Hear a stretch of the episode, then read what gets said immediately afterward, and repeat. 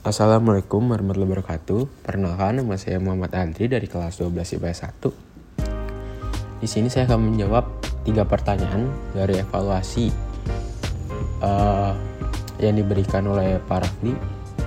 Untuk pertanyaannya, satu, bagaimana pendapat kalian mengenai tuntutan dalam reformasi? Uh, perlu kita ketahui dulu bahwa tuntutan reformasi itu ada 5 eh, mohon maaf 6 suksesi kepemimpinan nasional amandemen UUD 1945 pemberantasan KKN penghapusan wifungsi ABRI penegakan hukum supremasi dan pelaksanaan otonomi daerah. Nah kalau menurut saya sendiri tuntutan reformasi ini sangat diperlukan dan memang harus ada tuntutan dalam reformasi karena untuk uh, perubahan uh, dari masa Orde Baru ke reformasi tersebut. Jadi butuh suatu perubahan. Contohnya seperti di sini ada pelaksanaan otonomi daerah. Jadi setiap daerah diberi kewenangan untuk mengelola daerahnya masing-masing. Dan menurut saya itu bagus karena setiap desa, eh, mohon maaf, setiap daerah itu nantinya akan berkembang, hmm, berkembang dan mempunyai ciri khasnya masing-masing. Karena diberi kesetaraan dan eh, pengelolaan yang baik. Lalu ada penegakan supremasi hukum. Nah, untuk penegakan supremasi hukum ini bisa dibilang uh, pada saat dituntut untuk reformasi ini bagus karena meng mengutamakan hukum di atas segala-galanya. Dalam artian tidak ada uh, sangkut pautnya pada saat itu Pak Harto untuk memberi keputusan A B C D E tetapi lebih uh, mencondongkan sebuah keputusan dari hukum. Jadi kalau mau ngambil keputusan tuh lihat hukumnya dulu seperti apa gitu. Menurut saya ini bagus dan sangat netral dikarenakan tidak adanya pihak dalam tanda kutip yang uh, bisa dibilang ikut campur dan uh, lainnya. Lalu ada suksesi kepemimpinan nasional. Menurut saya di sini bagus, sangat baik dalam artian uh, kepemimpinan ini tadinya dikelola uh, oleh kelompok lain dan dipindahkan ke kelompok lain dalam artian uh, rakyat di sini tuh menuntut bahwa ya udah uh, kita ubah aja semuanya gitu. Bener-bener diulang katakanlah kalau misal dari nol bener-bener dari nol lagi untuk kepemimpinan yang lebih baik. Jadi bener-bener masa transisi atau perpindahan. Dan untuk penghapusan dui fungsi ABRI menurut saya um, karena pada dasarnya pada zaman Pak Soeharto tentara tuh bisa dibilang berkuasa. Dalam arti um, tentara itu dulu ada hubungannya dengan politik sosial dan politik mengatur ekonomi juga.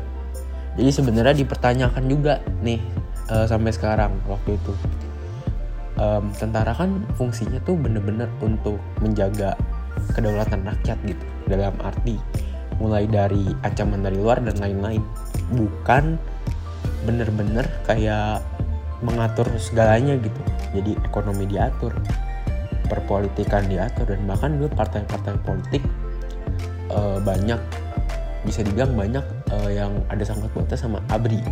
Ada hubungan spesial lah katakan.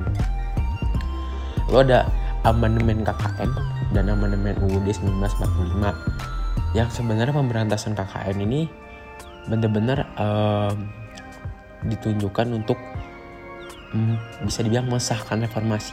Dan amandemen UUD juga berfungsi seperti itu. Lalu untuk tadi pembahas penghapusan dui fungsi ABRI itu bagus dalam artian tentara ya udah fungsinya sebagai uh, menjaga kedaulatan rakyat Indonesia ya sudah gitu. Jadi nggak ada sangkut pautnya bisa dibilang dipisahkan dari sangkut paut politik dan sosial. Begitu. Lalu pertanyaan selanjutnya bagaimana manfaat reformasi yang bisa kita rasakan sekarang? Nah untuk uh, masa sekarang sebenarnya kita rasakan itu yang pertama uh, adanya pembatasan masa jabatan presiden gitu. Jadi bisa kita rasakan bahwa presiden tuh silih berganti. Pasti ada suatu perubahan yang dibawa, tapi kita nggak tahu kalau kita salah pilih, ya udah antara makin bobrok atau nggak makin uh, baik ke depannya gitu. Lalu ada terlaksananya UUD 1945 beserta amandemennya. Dalam artian mendasari adanya amandemen pada sidang MPR tahun 1999 di mana beberapa pasal diubah yakni pasal 579 ayat 1 dan 2 13 ayat 2 dan 3 14 ayat 1 dan 1 dan 2 pasal 15 dan bagi uh, bermacam-macam lain diubah untuk um, sebenarnya pada saat itu undang-undang tuh bener-bener digunakan untuk menguntungkan pihak tertentu. Jadi bisa dibilang ya mohon maaf dalam tanda kutip banyak somethingnya gitu. Jadi lebih mencondongkan se suatu golongan seperti itu.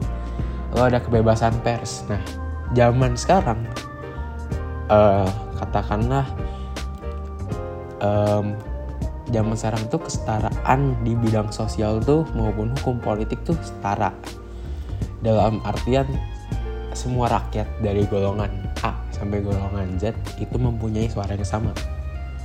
Tetapi pada masa sekarang juga sebenarnya dalam bisa bilang ada kasta. Kasta itu ya terhapuskan walaupun tidak kelihatan tapi kasta itu nyata. Karena apa? Rakyat kecil sama pejabat. Yang lebih apa yang lebih didengar? Pasti pejabat. Rakyat kecil udah biasanya dikasih baju partai udah selesai. Segitu doang kasih duit udah beres. Tapi untuk pers ini bener-bener untuk sekarang tuh bisa dibilang mengutamakan kesetaraan gitu. Jadi nggak ada berusaha sebenarnya bukan nggak ada ada aja. Tapi di sini berusaha bener-bener semua itu rata sama adil. Ada suara satu yang kan boleh bersuara gitu. Dan pada era reformasi itu bener-bener suara tuh nggak ada. Jadi ya udah suka-suka gua gitu. Pada saat itu begitu. Untuk para pejabat atau petinggi negara. Lalu ada terlaksananya pemilihan presiden langsung. Nah untuk terlaksananya pemilihan presiden langsung dalam artian tuh bener-bener kita nyoblos kita masukin ke kotak itu udah bener-bener ditunjukkan bahwa um, ini tuh bener-bener adil.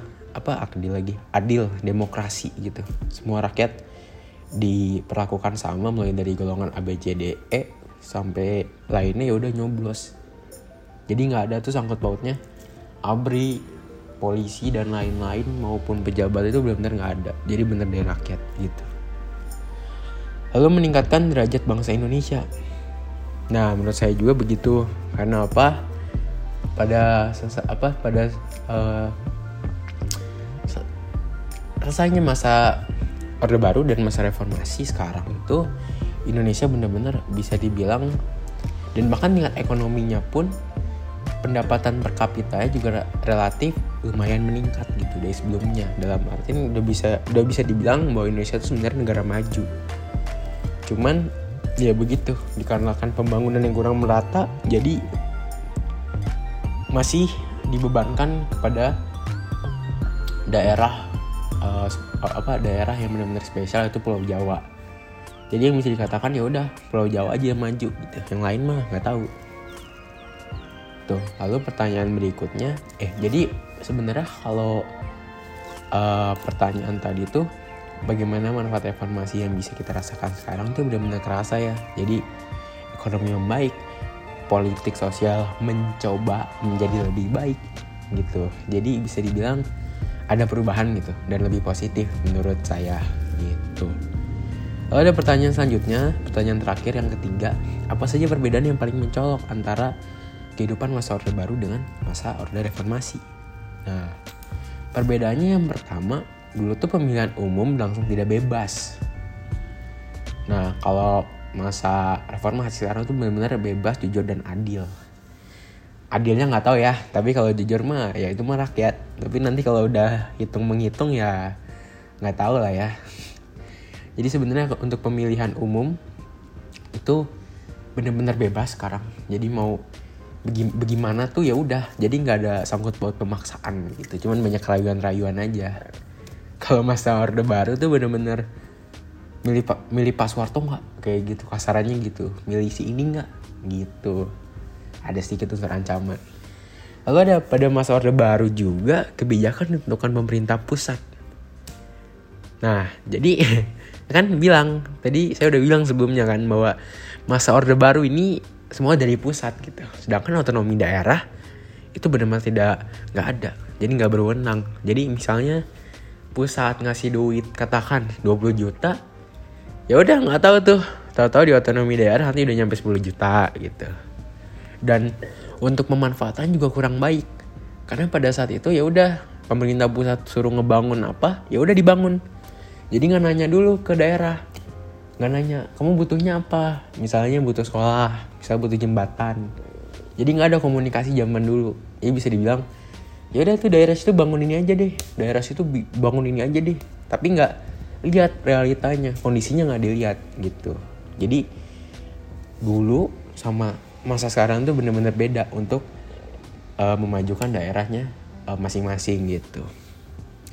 Lalu pada masa orde baru pers dikekang sementara kebebasan pers dijamin pada masa reformasi.